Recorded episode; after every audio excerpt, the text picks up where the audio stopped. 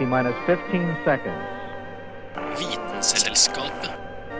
T minus 10, 9, 8, 7, 6.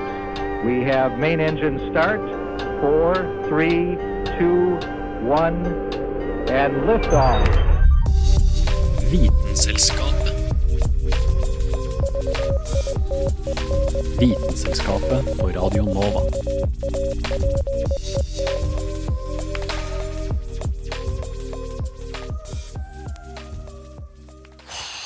Er det et fly? Er det en fugl? Nei, det er Supermann! Slik introduseres ofte den kanskje mest ikoniske superhelten av dem alle. Mannen av stål. Den flygende, solabsorberende, rare fyren fra Krypton. Men han, han fins ikke, han. Det gjør ikke Lynvingen, Edderkoppen, Hulken, Den røde heksa, Den sorte enke eller Mirakelkvinnen heller. Superhelten på norsk, det blir liksom ikke helt det samme trøkket, heller. Ja, ja. Men likt disse motpartene fra tegneserier finnes det individer blant oss i dag som har noe vi nesten kan kalle for superkrefter. Evner de fleste av oss ikke er i nærheten av å inneha. Den neste halvtimen skal vi utforske noen av disse kreftene og individene. Så heng med! Jeg heter Dag Løve Magnussen, og du hører på Vitenselskapet. Oh, it's fun. I mean, the natural world is just fun. Du hører på Vitenselskapet på Radio Nova. What more do you want? Ideen om at vi bare bruker rundt 10-20% av hjernen vår, er en klassisk hjernemyte som ikke stemmer. Men hjernen har potensial til å gjøre mye mer enn de fleste bruker den til. Noen mennesker har hjerner som fungerer på en sånn måte at det virker som at de rett og slett har superkrefter.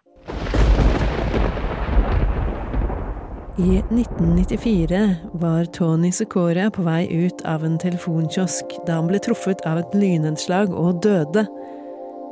Men eh, bare en kort stund før han ble gjenopplivet og sendt til sykehuset med brannskader.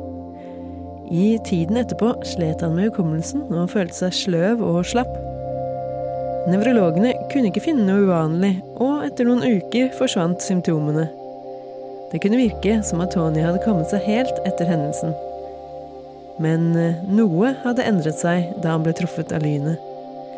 Før ulykken hadde han aldri vært spesielt interessert i musikk. Men eh, nå hadde han plutselig en enorm trang til å høre på pianomusikk.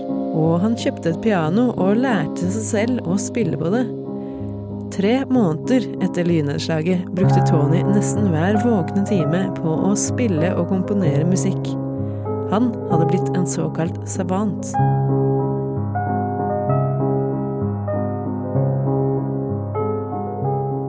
Savantsyndrom er en tilstand hvor hjernen til enkelte mennesker gir dem helt uvanlige og noen vil kanskje si overmenneskelige evner. De kan f.eks. ha utrolige evner innen musikk, karttegning, kunst eller kalkuleringer. Som regel ligger det til grunn at de har en hukommelse som lar dem huske ekstremt mange flere detaljer enn de fleste andre. De kan med andre ord ha nærmest fotografisk hukommelse. En annen kjent savant er Kim Peek, som var inspirasjonen til den kjente filmen Rain Man. Han kunne lese en bok på én time og huske den nærmest ordrett etterpå.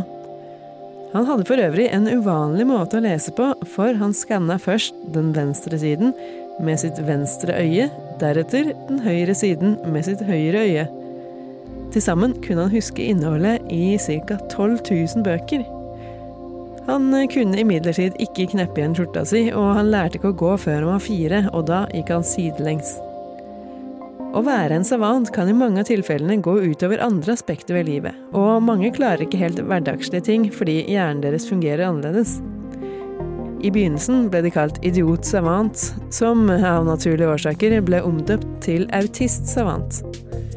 Det er imidlertid bare omtrent halvparten av savantene som er autister. Resten har enten andre diagnoser eller har blitt savanter etter å ha fått en hjerneskade. Det finnes også veldig få som kan kalles ekte savanter. Det er beregna at tallet er ca. én av en million. Og merkelig nok er det nesten ingen av dem som er kvinner. Det er ikke helt klart hva det er som gjør at noen blir savanter, men de vil ofte være uvanlig detaljfokuserte og hypersystematiserende. Kanskje er hjernen deres laget slik at den forsterker enkelte evner, noen ganger på bekostning av andre ting. Mange savanter er f.eks. såkalte menneskelige kalkulatorer, som vil si at de på brøkdelen av et sekund kan regne ut f.eks. hvilken ukedag en bestemt dato falt på mange år tilbake i tid. Et eksempel på denne typen savant er Orlando Serrell, som ble truffet av en baseball i hodet da han var ti år. Etter det fant han ut at han kunne huske dagen og hvordan været var på en hvilken som helst dato etter ulykken. February 17, 1980 was on a Sunday. It was sunshine and clear skies. June 3, 1985 was on a Monday. It was hot. March 28, 1990 is on a Wednesday. Sunshine and clear skies. Sunday was hot. 85 was on a Wednesday. December 23, 1992 was on a Wednesday. December 24, 89 is on a Sunday. Cloudy. I can't explain it. It just pops right into my head. Kanskje ikke en så veldig nyttig evne, men et veldig kult partytriks. Men som Wikipedia skriver om denne evnen The rarity of human calendar calculators is possibly due to the lack of motivation to develop such skills among the general population. Det som er fordelen med å være en menneskelig kalenderkalkulator, er at det er veldig få andre som kan sjekke om du tar feil. Så dersom du er på fest en gang og føler for å gjøre deg litt mer interessant, kan du bare slenge ut noen tilfeldige værvarsler på tilfeldige dager, og satse på at ingen tar seg bryet med å dobbeltsjekke det. Hun som lagde denne saken, heter Kristin Grydland.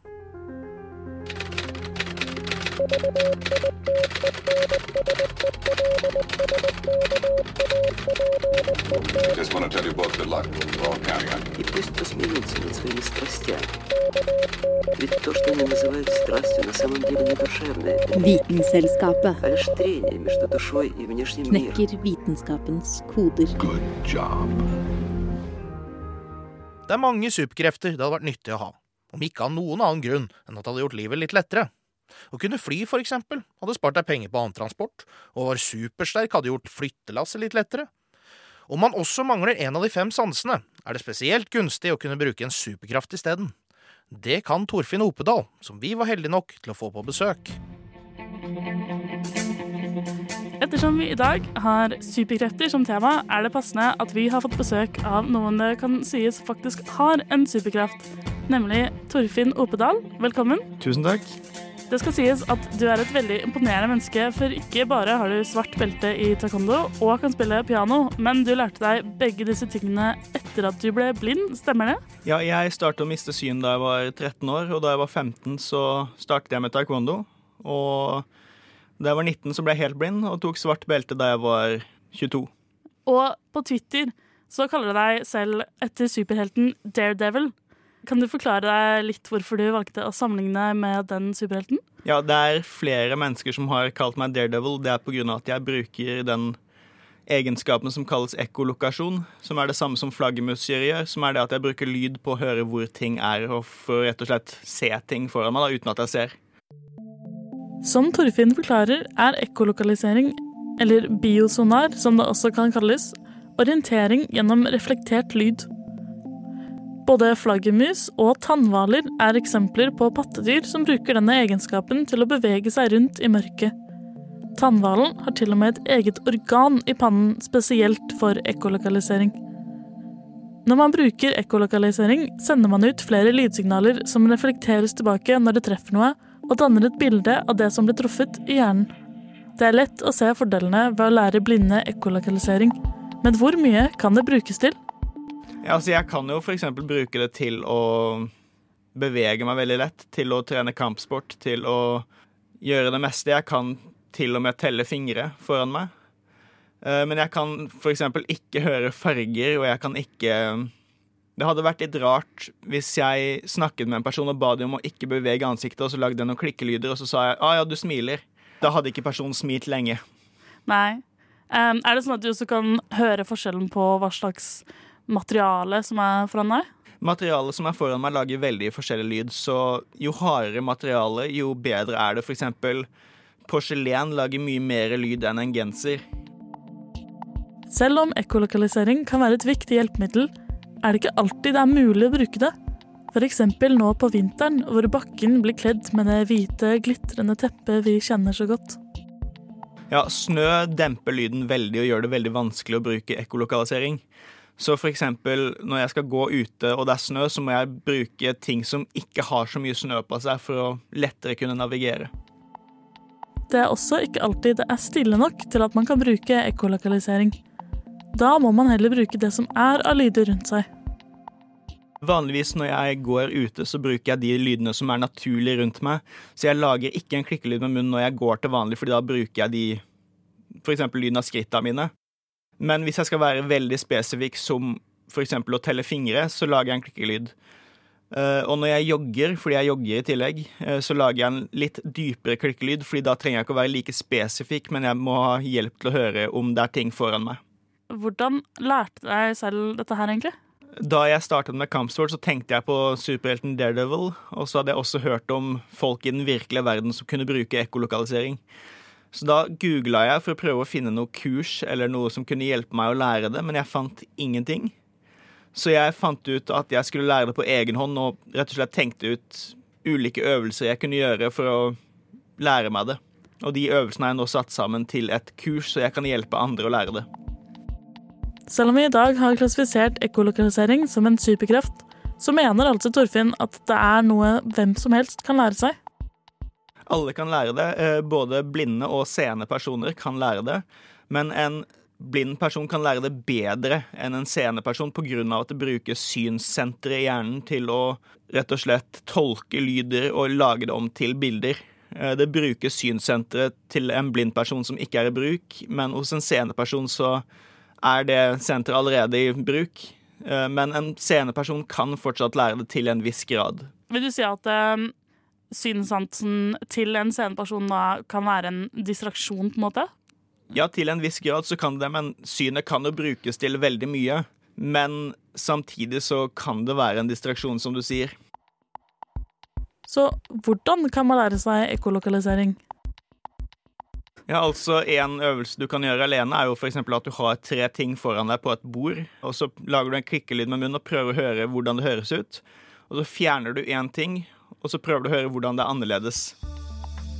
Og hvordan høres disse klikkelydene ut?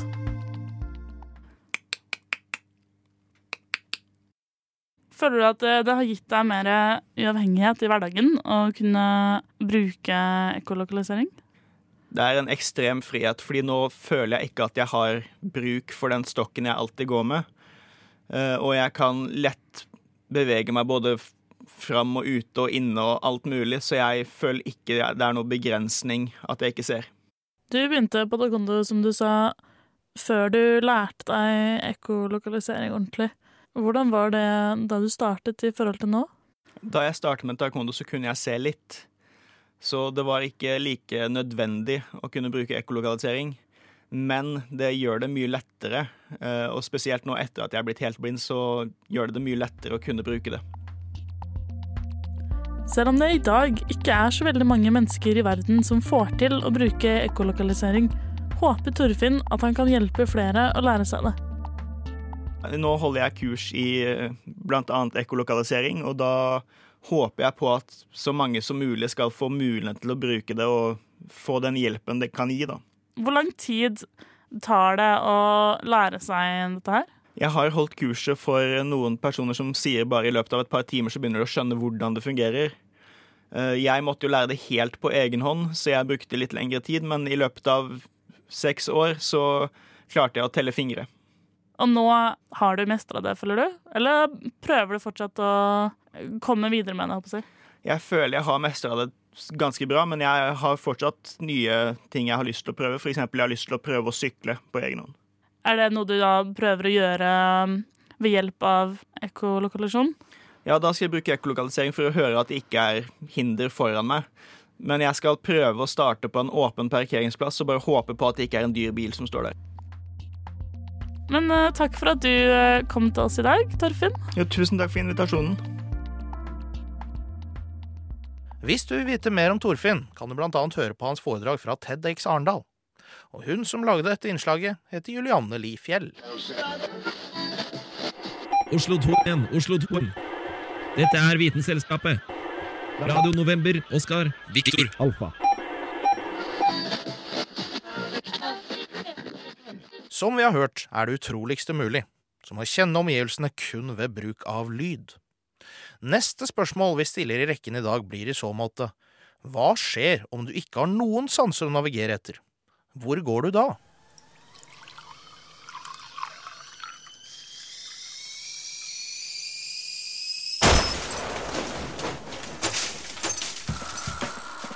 Vitenselskapet eksperimenterer. Dag, du står her nå med headset over ørene og lua over øynene. Hva er det du skal gjøre? Eh, nå skal vi gjøre et lite eksperiment. Nå skal det sies at det høres jo litt mistenkelig ut for lytteren her at jeg hører hva du sier til meg. da. Eh, greia er at jeg skal sette på musikk i disse halvisolerende hodetelefonene. Så skal jeg trekke lua godt nedover øynene, lukke dem i tillegg, for det er en ærlig mann. Og så skal vi se Nå skal jeg prøve å spasere i en rett linje over en fotballbane. Med ingen av mine primærsanser da, eh, intakte. Luktesansen er jo intakt. Luktesansen. Jeg kan, kan nok sniffe meg bort, ja. Det, hvis, hvis det er noe som har markert revir hele veien bortover banen her. Hva tror du kommer til å skje? Nå skal det sies at jeg har litt sånn der inside informasjon på at folk ikke er så gode på det her. Så jeg er veldig spent på hvor jeg ender opp. Vi får se. Jeg har ikke tenkt å stoppe deg, så forhåpentligvis så krasjer du ikke i eh, grøftekanten her. Greit. Men eh, lykke til, da, Dag. Ja, takk skal du ha. Da har han trukket lua godt nedover øynene og stabber i vei. Det ser ganske greit ut. Han går temmelig rett. Skuffende rett, vil jeg si. Ja, jeg setter opp et litt tempo, en litt sånn bestemt eh, gang her. Ser for meg at det skal hjelpe litt. Klinker av gårde. Ja, han skråner så vidt. Men eh, det ser faktisk veldig bra ut. Nå, har jeg gått nok til at jeg føler meg litt redd for å krasje i mål på andre sida. Men det føles ut som det går rett fram her, altså. Eh, problemet nå er jo at han bare fortsetter. Og det er et mål i veien, så jeg lurer på Oi, han skråner veldig rett mot det målet. Så jeg tror kanskje jeg er nødt til å løpe for å stoppe han. Uh, uh.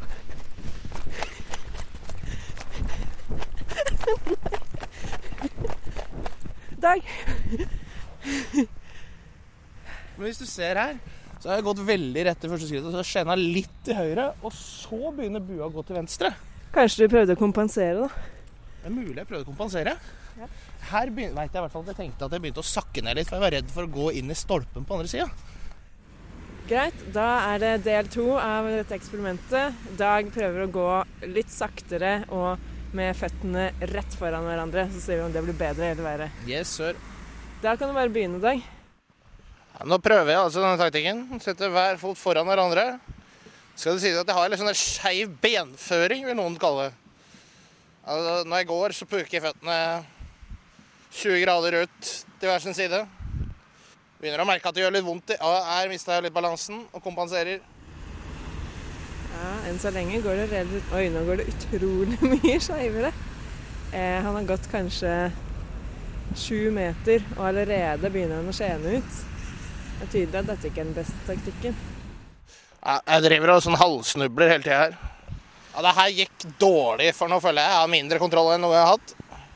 Nå eh, står eh, Dag eh, han, har snudd, han har gjort en skikkelig U-sving. Og han går veldig sakte. Jeg tror han tror at han snart er framme eller noe sånt. nå. Musikken jeg hører på, hvis noen lurer, er da Queen. Det er moro, det. God stemning. Ja, Nå er det nesten så han eh, krasjer i gjerdet på, den andre- på denne samme sida som han kom fra. Men det hadde vært litt gøy, da.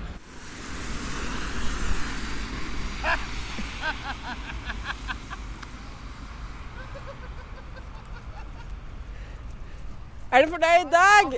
Det var da litt av en taktikk. Vi kan vel konkludere med det faktum at taktikken gjorde at jeg gikk litt dårligere enn jeg gjorde første gangen. Ja, hva er det som eh, skjer her da, Dag? Hvorfor går du i sirkel? Eh, nei, det skulle jeg gjerne fortalt deg hvis jeg visste det. Men man vet ikke helt. Eh, fordi det er jo en del sånn teorier på hvorfor. Eh, litt sånn derre venstre hjernehalvdel mot høyre hjernehalvdel. Altså hvis høyre hjernehalvdel funker mer, så går man mer mot høyre, og noen går mot venstre. Alle går jo liksom litt forskjellig. Noe, de fleste går ut til høyre, mens noen går ut til venstre. Eh, andre teorier er type Har du ene beinet som er litt lengre enn det andre, så vil du skjene ut til den sida, ikke sant. Og, og noe går også på kjemikalier i hjernen. Men ingen av de, på egen hånd i hvert fall, er en forklaring på hvorfor det går som det går. Eh, så det er en forsker i Tyskland som prøver å sette det her sammen og prøve å finne ut av det her, da, hvorfor så mange går i sirkel når de tror de går rett fram. Vi kan jo ta med som en sidenote her som er litt morsomt, det er jo at når du da er frarøva hørselen og synet, så viser det seg at du prater litt annerledes også. Det hadde ikke jeg forutsett med det eksperimentet her, så da lærte vi noe nytt i dag òg.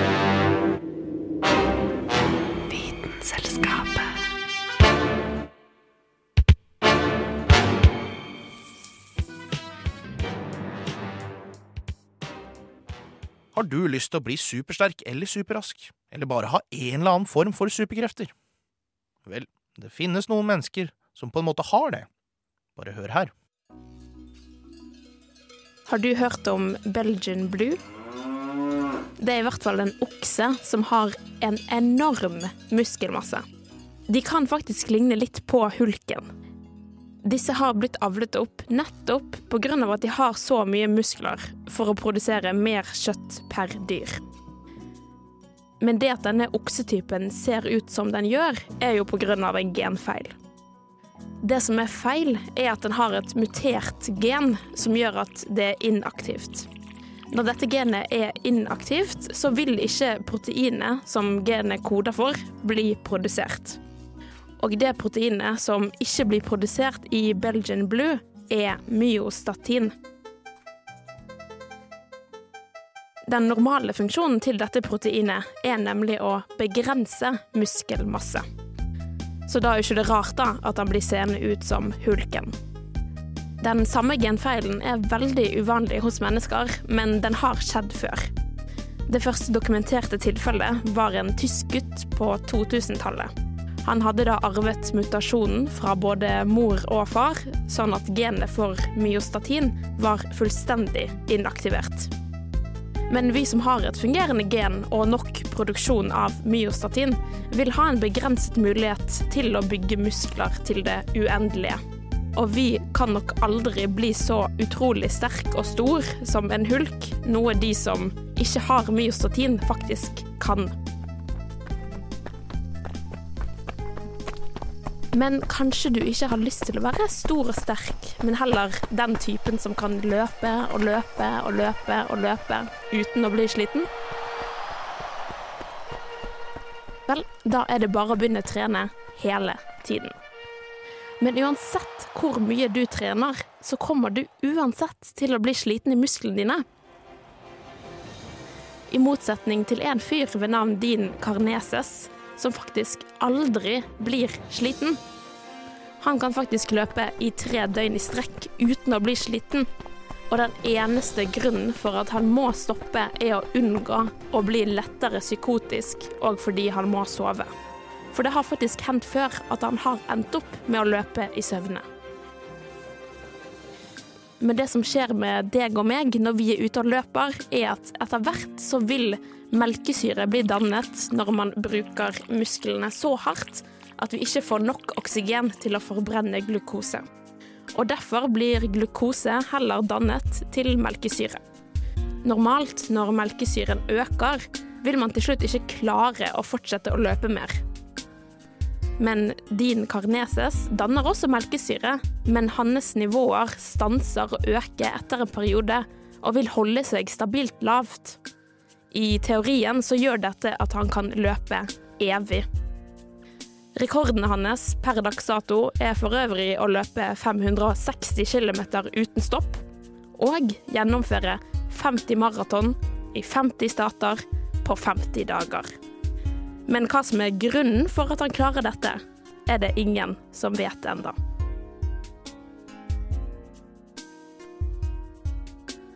Konklusjonen fra disse to eksemplene er vel at man ikke kan trene eller skaffe seg superkrefter. Det må man bli født med. Så med mindre du ikke har merket noe supert med deg selv enda, så er du som alle andre et helt normalt terningkast tre-type menneske. Akkurat som meg og Anna Vik Rødseth som har laga denne saken. Radio Nova.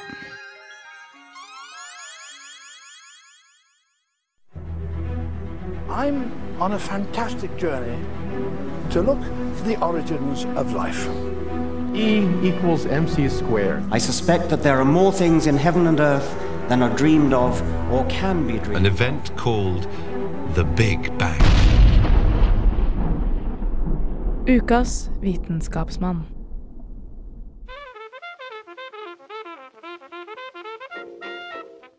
Alt har uforutsette konsekvenser, men for Thomas Midgley jr. var konsekvensene av bedriftene hans mye større enn noen kunne forvente. Født i Beaver Falls til en oppfinnerfar, var det kanskje her Midgley fant sitt kall i livet. Oppfinner var det han skulle bli. Med ei ingeniørutdanning fra prestisjefylte Cornell University var det bare for Thomas å komme seg opp og fram i verden. Fire år etter graduation day, i 1915, fikk Midgley jobb i Dayton Research Laboratories, eid av General Motors. Bilselskapet hadde et problem de måtte få løst. Motorene deres banka nemlig noe fryktelig. Motorbanken måtte løses, og det var nettopp dette Midgley og kollegaene hans satte ut for å finne en løsning på. Etter å ha eksperimentert med forskjellige stoffer på det periodiske system, kom Midgley til grunnstoff nummer 82, bly. Og dette skulle vise seg å funke som bare juling. Det den lure fyren fant ut, var at hvis du tilsetter tetraetylbly, TEL, i bensinen, løser du bankeproblemet veldig godt. Nå vet du sikkert allerede at bly ikke er så bra. Blyfri bensin har vært påbudt siden 80-tallet. Men råkapitalistene i USA på starten av det 20. århundre brukte patenten til Midgley for det det var verdt. Det var alt på denne tida kjent at bly var fy-fy, giftig og jævlig. Derfor ble bly ikke nevnt med et ord i markedsføringa. Unger ble sjukere enn de ellers hadde vært, men Midgley hjertet til å skape en innovasjon. I 1923 fikk Thomas Midley jr. Nichols-medalja fra The American Chemical Society for arbeidet med TEL. Så tok han en ferie pga. plager som følge av eksponering til bly. Det var òg noen helt nærliggende konsekvenser av den nye bensintilsetninga. De første fabrikkene ble alle stengt pga. at ansatte fikk plager fra you guessed it, blyforgiftning. Hallusinasjoner, galskap og døden fulgte for stakkarene på gulvet. General Motors gjorde sitt beste for å overbevise befolkninga om at TEL ikke var så farlig. På ei pressekonferanse i 1924 prøvde Midgley å vise at tetraetylbly ikke var så farlig. Han helte TEL utover hendene sine og helte beholderen under nesen og pusta inn. Han sa at han kunne gjøre dette hver dag uten noen uheldige bivirkninger. Det kan vel trygt sies at det var å tøye godt på sannheten. General Motors holdt ikke bare på med bil. På slutten av 20-tallet ble Midgley satt inn i en ny gruppe. De fikk oppgaven å forbedre kjøleskapet. Kjølestoffene som var i bruk på denne tida, var enten eksplosive, giftige eller båe deler. På nytt klarte Midgley å løse problemet han var forelagt. En ny type gass som verken var giftig eller eksplosiv. KFK-gasser. Klorfluorkarbon var stabilt og fint, men i dag vet oss at denne typen stoff var om like ille eller enda verre enn bly.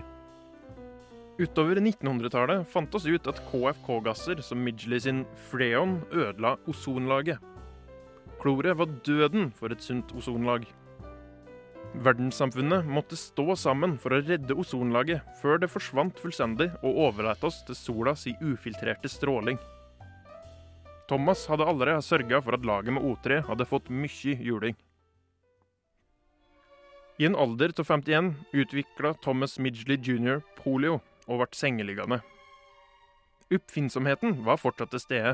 En siste idé kom til han. Ved hjelp av et system med kabler og taljer kunne han mye lettere løftes opp fra sin egen seng. En kosmisk ironi inntraff så. Mannen som fant opp to så destruktive og miljøfiendtlige oppfinnelser, endte sine dager hver av trådene i sin siste oppfinnelse. Og ukas vitenskapsmann ble presentert av Carl Adams Kvam. Vitenselskapet. Tusen takk for at du hørte på Vitenselskapet i dag. Vi er tilbake neste uke. Vi er ellers tilgjengelig som podkast hvor enn du finner det. Jeg var og er Dag Løve Magnussen. Takk for nå. Selskap.